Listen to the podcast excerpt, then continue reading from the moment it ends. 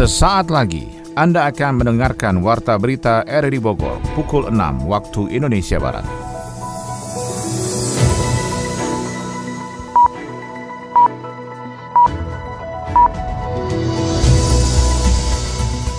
Selamat pagi dan salam jumpa. Kami kembali hadir dalam Warta Berita RRI Bogor edisi hari ini, Selasa 9 Maret 2021. Siaran ini bisa Anda dengarkan juga melalui aplikasi RRI Play pada smartphone Anda dan bisa Anda dengarkan juga melalui podcast kami di Anchor, Spotify, di Potel dan Google Podcast dan disiarkan juga oleh Radio Tegar Beriman Kabupaten Bogor, Jawa Barat.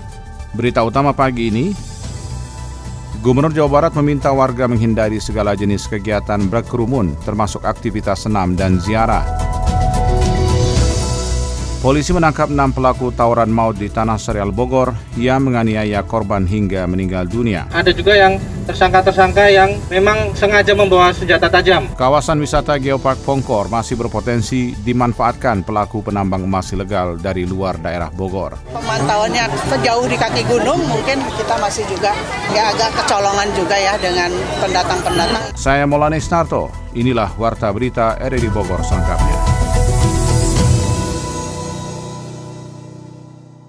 Gubernur Jawa Barat Ridwan Kamil meminta warga menghindari segala jenis kegiatan berkerumun, termasuk aktivitas senam dan ziarah yang dilakukan secara berkerumun dan beramai-ramai. Hal itu disampaikan Gubernur Jawa Barat menanggapi munculnya klaster COVID-19 dari aktivitas ziarah dan senam. Kang Emil, Sapan Gubernur Ridwan Kamil mengatakan, warga boleh melaksanakan kegiatan senam sehat dengan catatan tidak berkerumun atau berkelompok, dan orang nomor satu di Jawa Barat itu meminta warga untuk menahan keinginan melaksanakan ziarah kubur ke suatu tempat.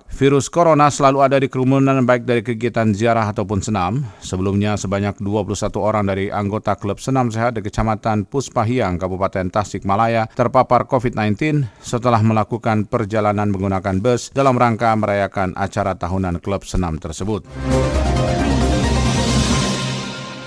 Pemerintah Kota Bogor menggandeng IPB untuk mempercepat pelaksanaan vaksinasi COVID-19 di Bogor. Kita akan ikuti laporan Sony Agung Saputra. Pemerintah Kota Bogor terus mengencarkan program vaksinasi COVID-19. Kali ini optimalisasi pelaksanaan COVID-19 berkolaborasi dengan Institut Pertanian Bogor. Peserta vaksin melaksanakan vaksinasi itu di IPB International Convention Center IICC sebagai tempat penyuntikan. Wali Kota Bogor Bima Arya mengungkapkan IICC menjadi salah satu tempat penyuntikan vaksin COVID-19 karena bisa menampung lebih dari 1.500 orang dalam sehari. Dengan langkah itu maka pihaknya optimis bisa mengejar pelaksanaan vaksinasi hingga bulan April mendatang. Di sini kolaborasi dengan IPB ya. Berapa targetnya Bu? 1.600 hari ini. Yang kalau di puskesmas kan bisa berminggu-minggu gitu ya. Kemudian kolaborasi juga dengan yang lain di Puri Begawan gitu. Berapa? 1.700 juga. Ya, jadi kita harusnya sesuai dengan target lah. Kalau seperti ini modelnya. Masyarakat yang sudah mendapatkan vaksin juga tetap harus menjaga kesehatan dengan disiplin mentaati protokol kesehatan sehingga bisa optimal memutus mata rantai penyebaran COVID-19. Pelaksanaan belajar tatap muka 2021 masih menunggu arahan pemerintah pusat. Kepala Dinas Pendidikan Kota Bogor Hanafi mengatakan skema belajar tatap muka merupakan kebijakan dari pemerintah pusat sehingga Disdik tidak dapat mengambil inisiatif melakukan pembelajaran tatap muka tanpa instruksi. Kita ikuti laporan Adi Fajar Nugraha.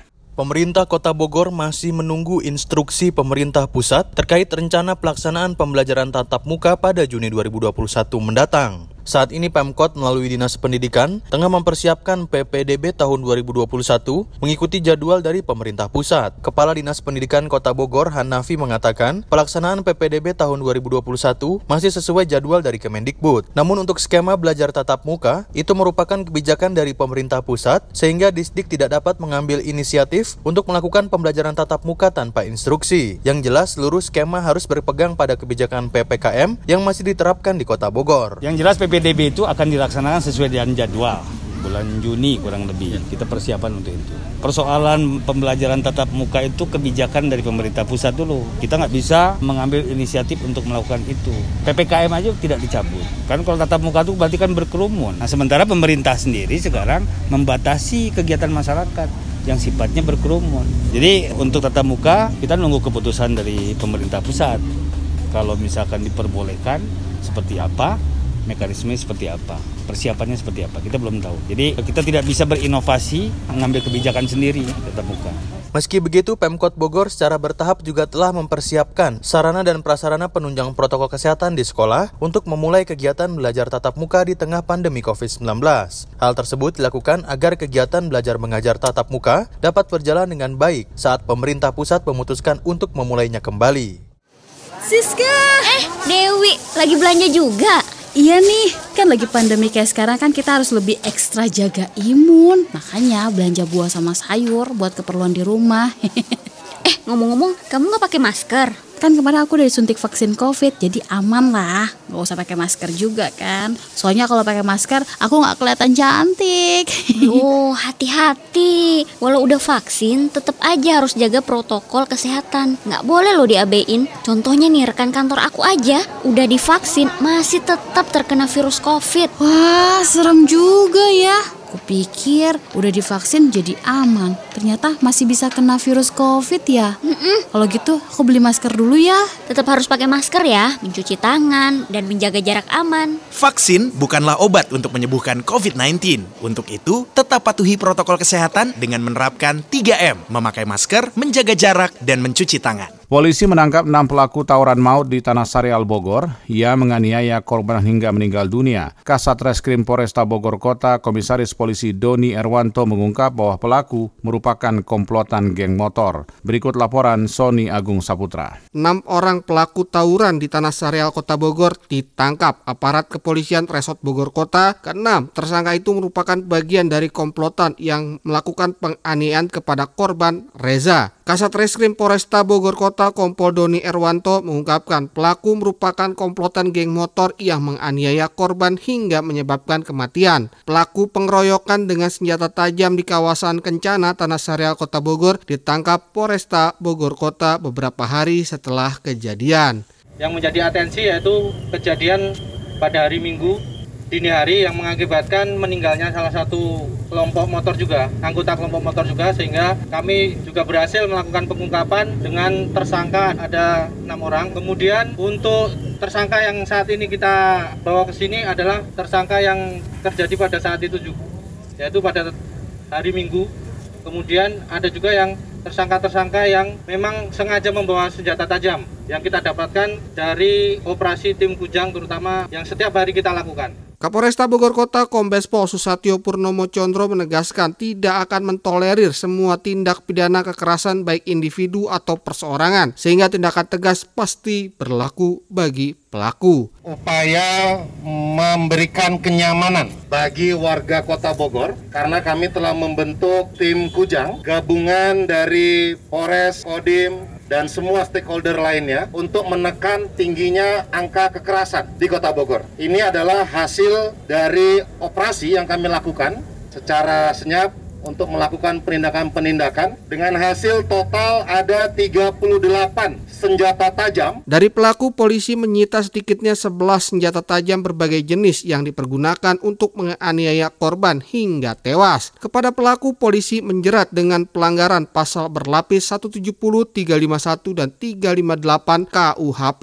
dengan ancaman hukuman maksimal 12 tahun penjara. Kawasan wisata Geopark Pongkor masih berpotensi memberikan peluang bagi pelaku penambang emas ilegal dari luar daerah Bogor. Bupati Bogor Ade Yasin mengatakan tidak sedikit para penambang emas tanpa izin datang dari luar Jawa yang tujuannya adalah mencari harta karun di perut Gunung Halimun Salak Bogor. Yofri Haryadi melaporkan. Kawasan wisata Geopark Pongkor yang merupakan sisa penggalian tambang emas UPBE PT Antam TBK kemungkinan tidak akan ditutup seluruh aktivitas penambangan emasnya, bahkan berpotensi akan memberikan peluang bagi pelaku penambang emas ilegal dari luar daerah Bogor. Hal tersebut ternyata belum sepenuhnya diantisipasi dengan masuknya penambangan emas tanpa izin PETI dari arah Banten dan Sukabumi. Bupati Bogor Ade Yasin mengungkapkan para penambang emas tanpa izin sudah diberikan pembinaan dan untuk mantan peti. Pelatihan berupa kewirausahaan, bertani dan berternak hingga diberikan modal kerja agar warga khususnya di Kecamatan Nanggung Kabupaten Bogor tidak lagi menjadi penambang emas ilegal. Namun berbeda dengan penduduk lain dari luar Bogor, tidak sedikit dari para penambang emas tanpa izin tersebut berasal dari luar Jawa yang tujuannya adalah mencari harta karun di perut Gunung Halimun Salak. Dan ini sudah ada yang berjalan di antara lingkungan uh, Geopark itu juga sudah ada rumah-rumah yang disewa oleh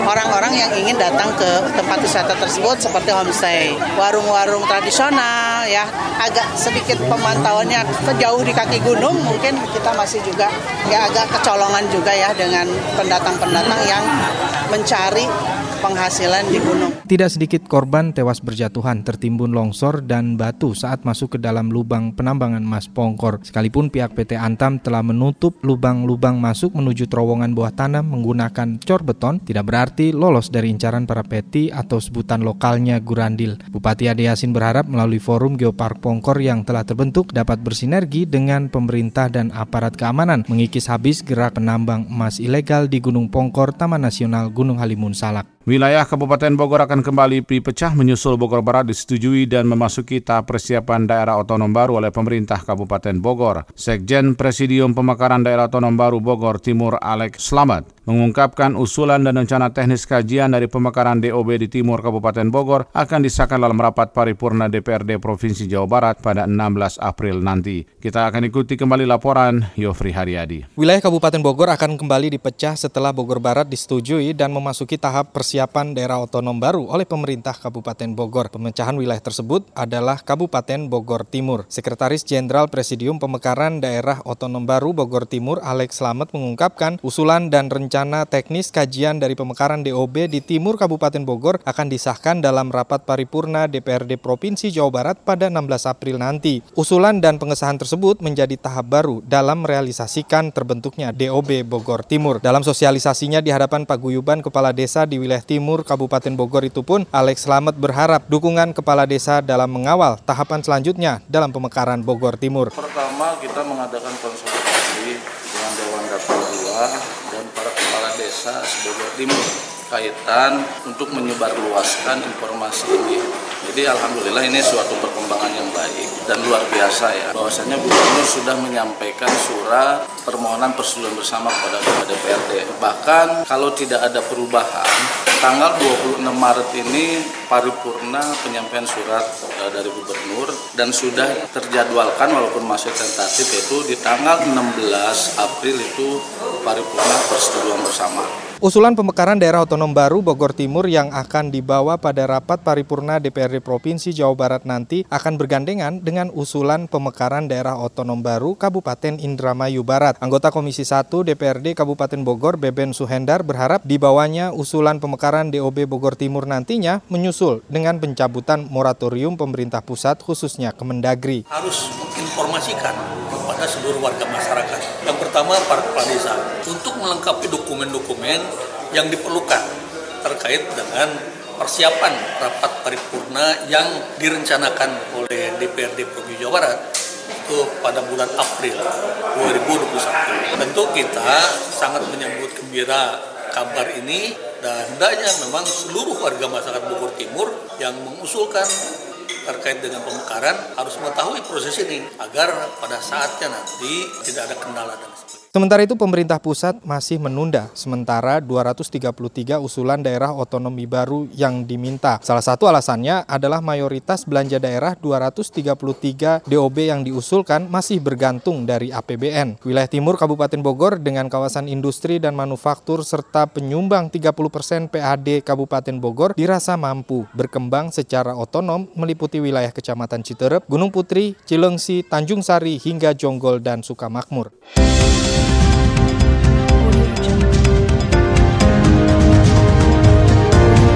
Anda tengah mendengarkan Warta Berita RRI Bogor.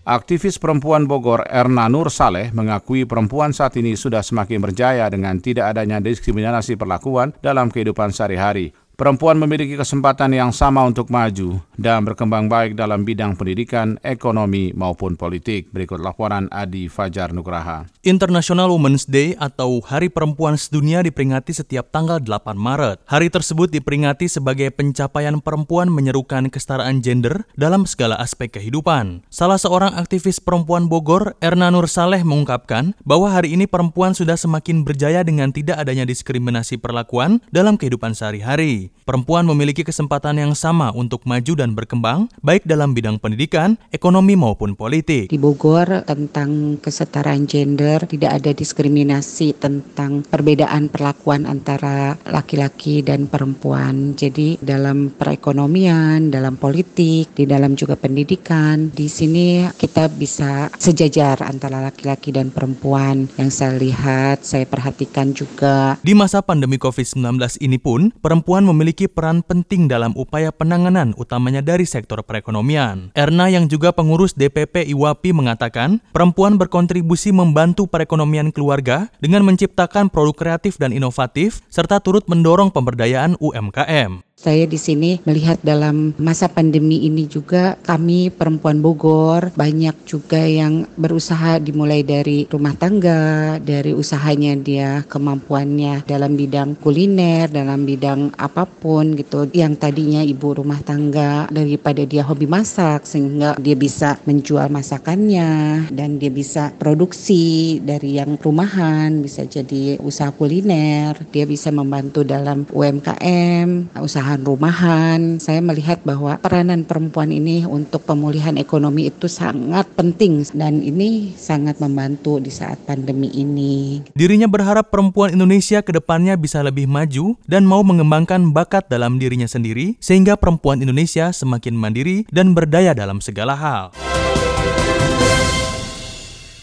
Beralih ke informasi ekonomi, Menko Kemaritiman dan Investasi Luhut Binsar Panjaitan mengatakan sektor ekonomi digital tumbuh subur bisnis di tengah pandemi COVID-19. Namun sayangnya, meski tumbuh kinerja masih kalah dari negara-negara ASEAN seperti Vietnam. Luhut mengatakan sektor ekonomi digital di Asia Tenggara pada 2020 dapat tumbuh 5 persen dengan total gross merchandise value alias nilai pembelian dan penggunaan mencapai 105 miliar US dollar atau 1.470 triliun rupiah. Di Indonesia sendiri, ekonomi digital disebut Luhut tumbuh hingga menembus dua digit atau 11 persen, namun pertumbuhan masih kalah dengan Vietnam yang ekonomi digitalnya tumbuh hingga 16 persen. Diperkirakan ekonomi digital masih akan bertumbuh hingga 124 miliar US dollar pada tahun 2025 mendatang di Indonesia. Harga cabai rawit di pasaran mengalami kenaikan drastis. Kenaikan terjadi hingga menyentuh angka Rp150.000 per kilogram. Hal itu terjadi karena cuaca buruk yang menyebabkan peningkatan serangan organisme pengganggu tumbuhan, kerusakan tanaman dan banjir di beberapa wilayah sentra produksi. Dirjen Hortikultura Kementerian Pertanian, Prihasto Setianto menjelaskan, berdasarkan data seris produksi lima tahun terakhir, produksi cabai rawit pada bulan Desember hingga Februari berstatus waspada karena produksi cenderung menurun dibanding bulan-bulan lainnya. Untuk itu, saat ini adanya cuaca ekstrim efek fenomena La Nina semakin menyebabkan produksi terganggu seperti bunga rontok yang menyebabkan gagal berbuah. Dari berita olahraga, tim panahan Kabupaten Bogor mengirimkan 14 atlet dalam babak kualifikasi Porda Jabar 2022 yang akan dilangsungkan pada bulan Juni 2021. Selengkapnya akan dilaporkan Ermelinda. Tim panahan Kabupaten Bogor akan mengirimkan sekitar 14 atletnya dalam babak kualifikasi Porda 2022 yang akan dilangsungkan pada bulan Juni 2021 mendatang. Latihan pun tetap dilakukan secara rutin di tengah pandemi COVID-19 ini. Dita, salah satu atlet panahan Kabupaten Bogor yang sudah bergelut selama tiga tahun menjadi atlet memanah di Kabupaten Bogor, mengatakan bahwa kondisi pandemi ini membuat ia beserta tim lainnya harus terkendala tempat latihan. Latihan yang siok Seyogyanya dilakukan di Stadion Pakansari sekarang harus bisa memanfaatkan tempat yang seadanya karena ditutupnya Stadion Pakansari Kabupaten Bogor sejak beberapa bulan lalu. Untuk saat ini, untuk panahan kami latihannya ada di Sekretariat Perpani. Stadion Pakansari itu kan belum dibuka, jadi kami sementara latihannya di Sekretariat panahan di Pemda ya. Dan nggak bisa di lapangan sembarangan. Jadi memang kami harus datang ke tempat latihan yang yang proper lah. Kami ada sedikit space bisa latihan gitu di depan sekretariat panahan perpani di dalam lingkungan Pemda gitu. Dan ada space sedikit kita bisa manfaatkan. Dita yang masuk kelas busur compound dan juga masuk tim bergu putri menyampaikan persiapannya baik secara fisik dan juga mental karena sudah semakin dekat dengan babak kualifikasi. Dita juga menyampaikan harapannya kepada seluruh masyarakat di Kabupaten Bogor agar bisa mendukung para atlet Kabupaten Bogor di semua cabang olahraga dan terkhususnya cabang olahraga panahan agar bisa memberikan yang terbaik nantinya dalam Porda 2022 mendatang.